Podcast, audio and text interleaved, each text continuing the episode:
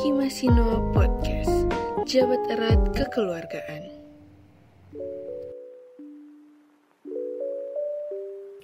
Halo guys, apa kabar nih? Semoga kabarnya baik-baik aja ya. Aku mau ngasih tahu nih, podcast Himasino kembali lagi guys. Kali ini podcast Himasino dengan episode yang baru.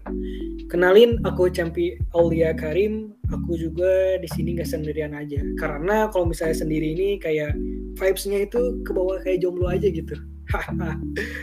aku juga bakal ditemani nih sama teman-teman aku yang kece banget. Ada Adisa, Fawaz. Boleh dong kalian kenalin dulu. Halo, aku Adisa sebagai Kepala Departemen Hubungan Masyarakat Himasino. Halo, aku Fawaz dari Departemen Keilmuan dan Sosial. Oke, itu kan teman-teman gue aja udah pada bagus nih. Oke, kali ini kita di podcast Masino episode kali ini mau ngobrolin tentang hal yang seru banget nih. Karena kita bakal ngobrolin tentang gimana sih bisa menjadi mahasiswa yang berprestasi. Nah, di podcast episode kali ini juga aku juga ditemenin oleh narasumber yang keren banget. Ada Teh Vira dan juga Teh Yuli. Halo Teteh, apa kabar? Halo semuanya, kabar baik. Kalian apa kabar nih? Baik, Teh. Alhamdulillah. Baik, Baik, Alhamdulillah. Alhamdulillah aku juga baik Teh. Eh, dengar kabar dari Teh Yuli sama Teh Vira yang kabarnya baik ini bikin kita jadi semangat aja nih buat ngobrolin di podcast kali ini. Oke Teh, sebelum kita beranjak ke pertanyaan nih, kita buat ngobrol-ngobrol atau sharing-sharing yang lainnya, boleh dong Teteh perkenalan terlebih dahulu biar nggak begitu bingung nantinya. Jadi hai heho nanti para pendengarnya. Takutnya juga nanti di tengah-tengah para pendengar bingung. Ini siapa sih narasumbernya gitu. Boleh mangga Teh dari Teh Vira dulu boleh perkenalan dahulu. Oke, dari aku dulu nih ya perkenalannya. Mungkin halo semuanya pendengar podcast Himasino. Perkenalkan aku Mafira Citra Putrianto atau biasa dipanggil Vira. Uh, kebetulan aku ini alumni dari D4 Bahasa dan Budaya Tiongkok tahun 2016. Oh, apa ya angkatannya itu mungkin terlalu jauh juga dari dengan aku. Aku angkatan dari 2020 juga nih Teh. Salam kenal ya Teh. Ya, Oke, salam selanjutnya kenal. dari Teh Yuli boleh diperkenalkan terlebih dahulu. Oke, halo semuanya. Kenalin, nama aku Yuleni Herman atau biasanya dipanggil Yuli, Yulia boleh. Eh, kalau aku dari alumni D4 Bahasa dan Budaya Tiongkok angkatan 2017 gitu. Wah, sama ini angkatannya beda-beda jauh gitu sama aku. Nah, salam kenal juga ya Teh Yuli. Aku Cempi angkatan 2020. Nah, eh, Teh Yuli sama Teh Vira udah perkenalan nih. Selanjutnya kita mau beranjak lagi ke pertanyaan atau sharing-sharing dengan Teh Vira dan Teh Yuli. Oke Teh, di sini aku dan teman-teman aku ada beberapa pertanyaan yang cukup menegangkan, tetapi dibawa kalem aja Teh. Soalnya pertanyaan yang ini nggak bikin jantungan kok. Boleh di langsung di pertanyaan pertama? Oh ya Teh, Eh, aku Adisa mau nanya nih Teh, selama Teteh kuliah nih, eh, Teteh lebih fokus ke organisasi atau akademik ya Teh? Boleh deh Teh Yuli dulu, Teh.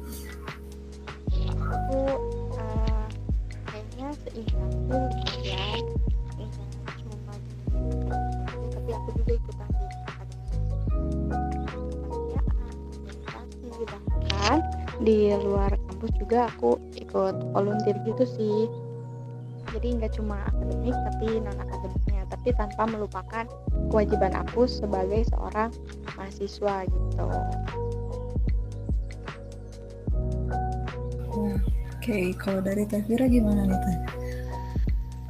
Kalau aku pribadi, dua-duanya penting sih, karena akademik kenapa penting? Karena kita kan statusnya mahasiswa, pasti akademik juga nomor satu. Tapi selain akademik, bergaul, eh, cari relasi juga itu nggak kalah penting. Jadi selama kuliah aku juga cukup aktif di kegiatan hima dan bem. Wah, oke. berarti eh, baik dari Teh sama Teh Vira juga punya apa ya cara ngebagi waktunya dong. Gimana caranya ngimbangin uh, kegiatan non akademis sama akademis? Kira-kira gimana sih teh cara apa ya manajemen time management yang diterapkan sama Teh Vira sama Teh Yuli? Boleh Teh Yuli dulu aku nanyanya. Oke, kalau time management aku kayaknya nggak terlalu uh, ini ya sama waktu ya.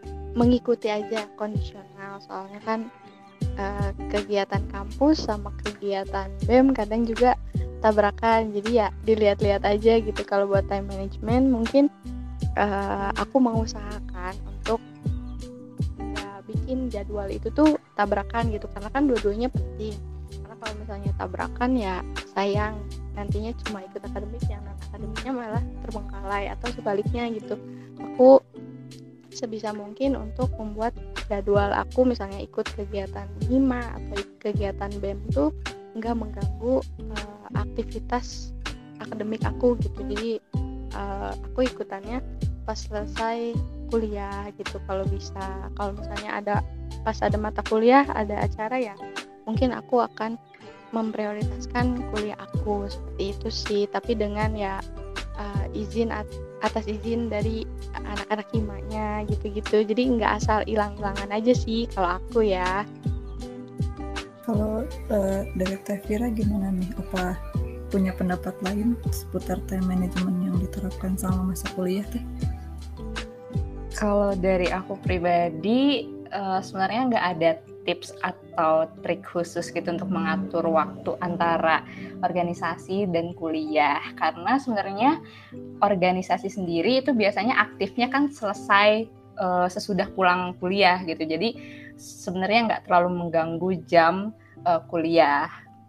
Tapi kadang aku juga aktif di beberapa organisasi gitu kayak dulu uh, aku ikut organisasi angklung dan sering perform uh, sampai keluar kota dan itu harus jadinya dispen gitu sih sama kuliah. Nah itu kalau misalnya ada kejadian kita harus dispen, kita harus lebih mengutamakan dulu si organisasi nih, kita bolos dulu nih kuliahnya gitu, nggak bolos di dispen. Gitu itu mungkin tips dari aku agar nggak ketinggalan akademiknya. Kayak sebelum-sebelum dilihat dulu nih tanggal sekian itu ada tugas apa enggak ya? Atau ada ujian apa enggak ya? Jadi sebelum kita mengorbankan waktu kuliah kita demi hal yang lain itu kita juga udah mempersiapkan gitu e, misalnya kalau ada ujian kita udah belajar lebih dulu atau ada tugas kita udah ngerjain lebih dulu. Jadi pas hari H meskipun kita nggak hadir kuliah tapi tugasnya tetap dikumpulin. Yang kayak kayak gitu sih. Kita harus pinter-pinter apa ya lihat jadwalnya gitu loh. Oh, ini kira-kira tanggal sekian kita harus uh, dispen. Uh, kira-kira tanggal sekian ada ulangan gak ya? Atau ada tugas gak ya? Itu bisa diatur-atur sih waktunya. Kalau aku kayak gitu dulu oke oke berarti ya sama-sama apa ya patokannya lebih ke skala prioritas gitu ya teh mm. oke okay. uh, oh iya teh aku mau nanya lagi selama kuliah itu kan pasti mengalami masa jenuh atau down gitu ya teh nah kira-kira apa yang Teh Via dan Teh Yuli lakuin buat mengatasi hal itu ya Teh? Boleh uh, dari Yuli dulu? Kalau jenuh gitu ya. Kalau jenuh sih ya ada sih ya.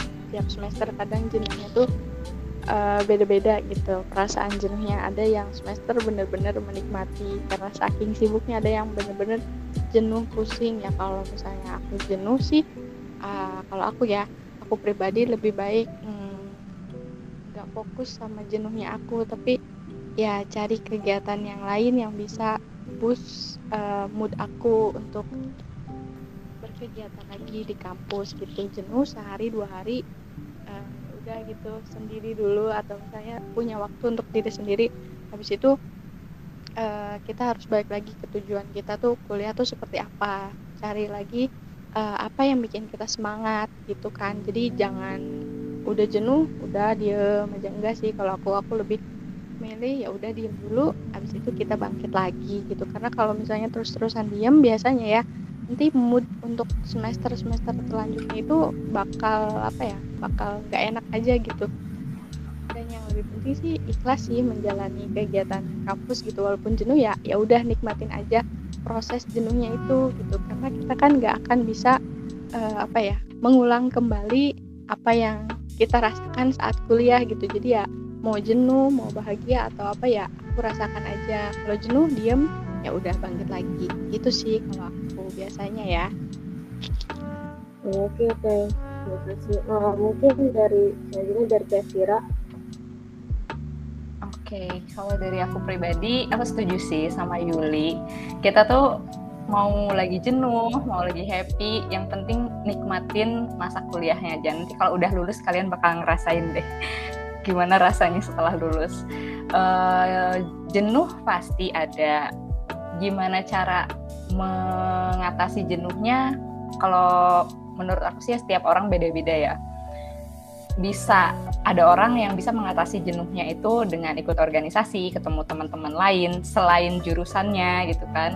Karena kalau kadang ketemu sama temen sama temen yang satu jurusan lagi juga apa ya omongannya masih seputar kelas gitu kan itu juga masih bikin jenuh. Jadi kadang berorganisasi ketemu jurusan lain juga bisa saling bertukar pendapat. Kalau di jurusan lain tuh kayak gimana sih? Itu juga bisa uh, kadang bisa membangun motivasi sendiri gitu.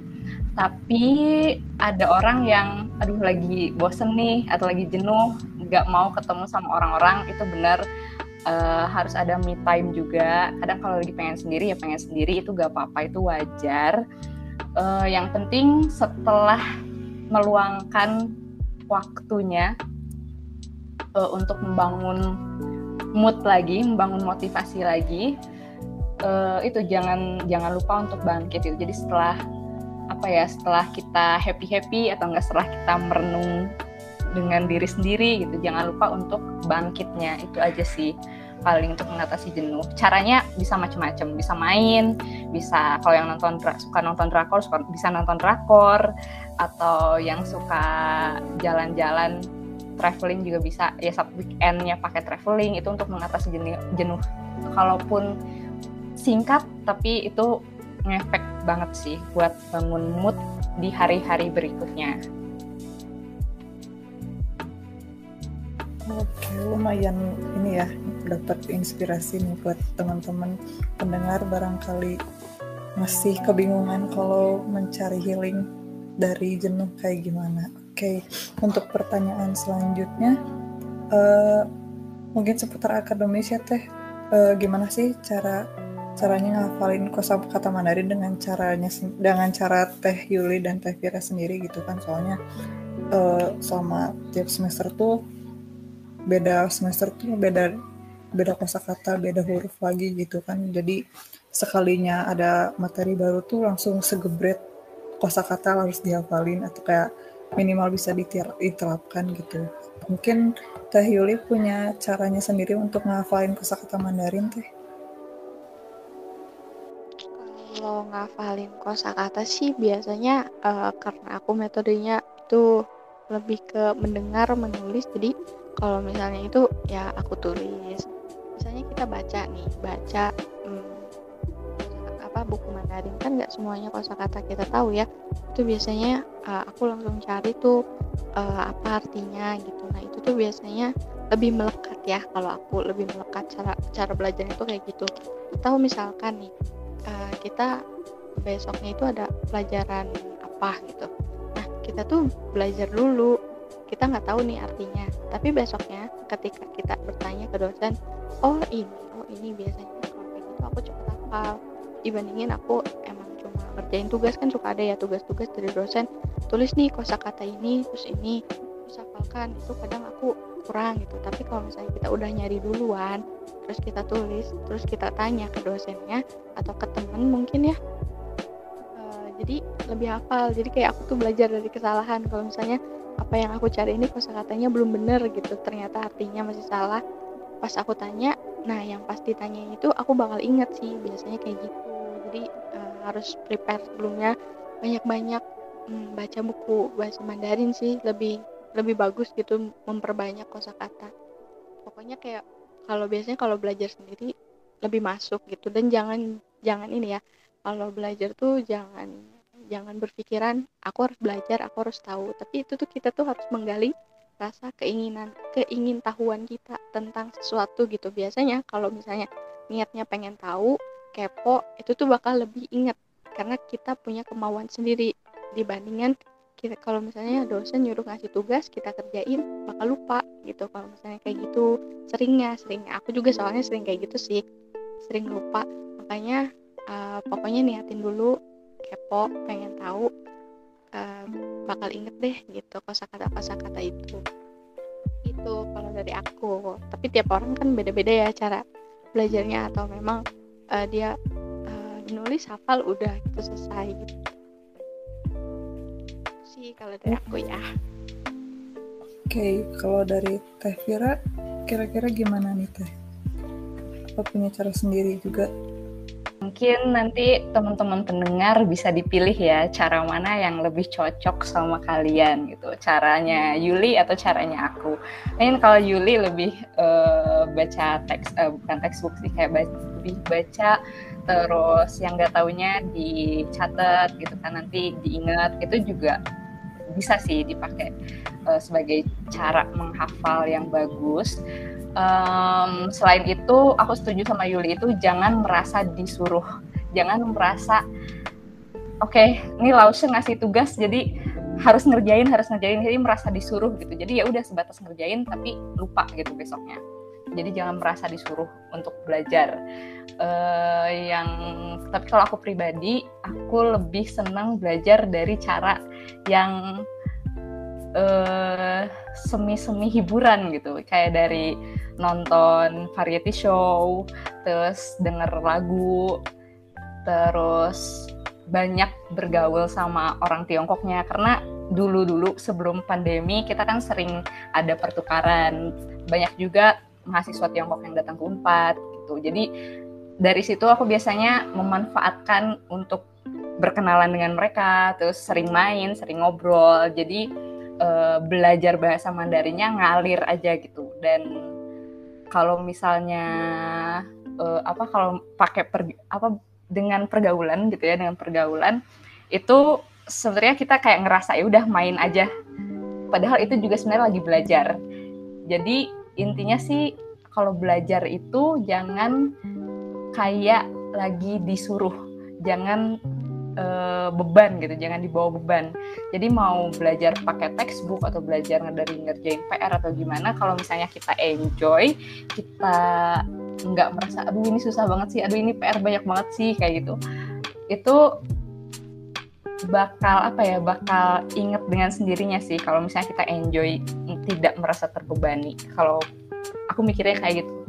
Yang penting kita nikmatin aja bawa happy aja sehari hafal 5 kosakata gak masalah. Sehari hafal dua kosakata gak masalah gitu. Gak mesti target harus sehari harus 100 sehari harus 50 kalau itu kan kalau pakai target itu jadinya beban gitu ke kitanya. Jadi ngalir aja. Kalau satu hari cuman bisa hafal 5 kosakata itu juga gak apa-apa. Jadi pelan-pelan juga gak apa-apa.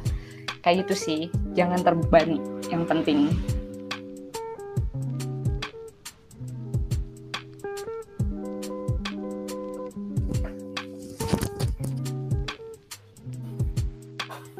Oke boleh tuh ya buat teman-teman pendengar bisa pilih salah satu nih lebih condong ke mana karena biasanya tipe belajar orang tuh kalau nggak dari audio visual itu dari kinestetik atau dari gerakan gitu.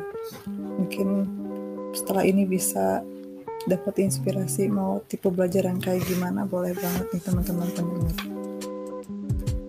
Oke uh, untuk pertanyaan terakhir nih teh dari aku mau tahu nih uh, Teh Yuli sama Teh Vera punya rekomendasi film atau lagu bahasa Mandarin nggak yang pernah yang pernah nemenin Teh kuliah selama ini?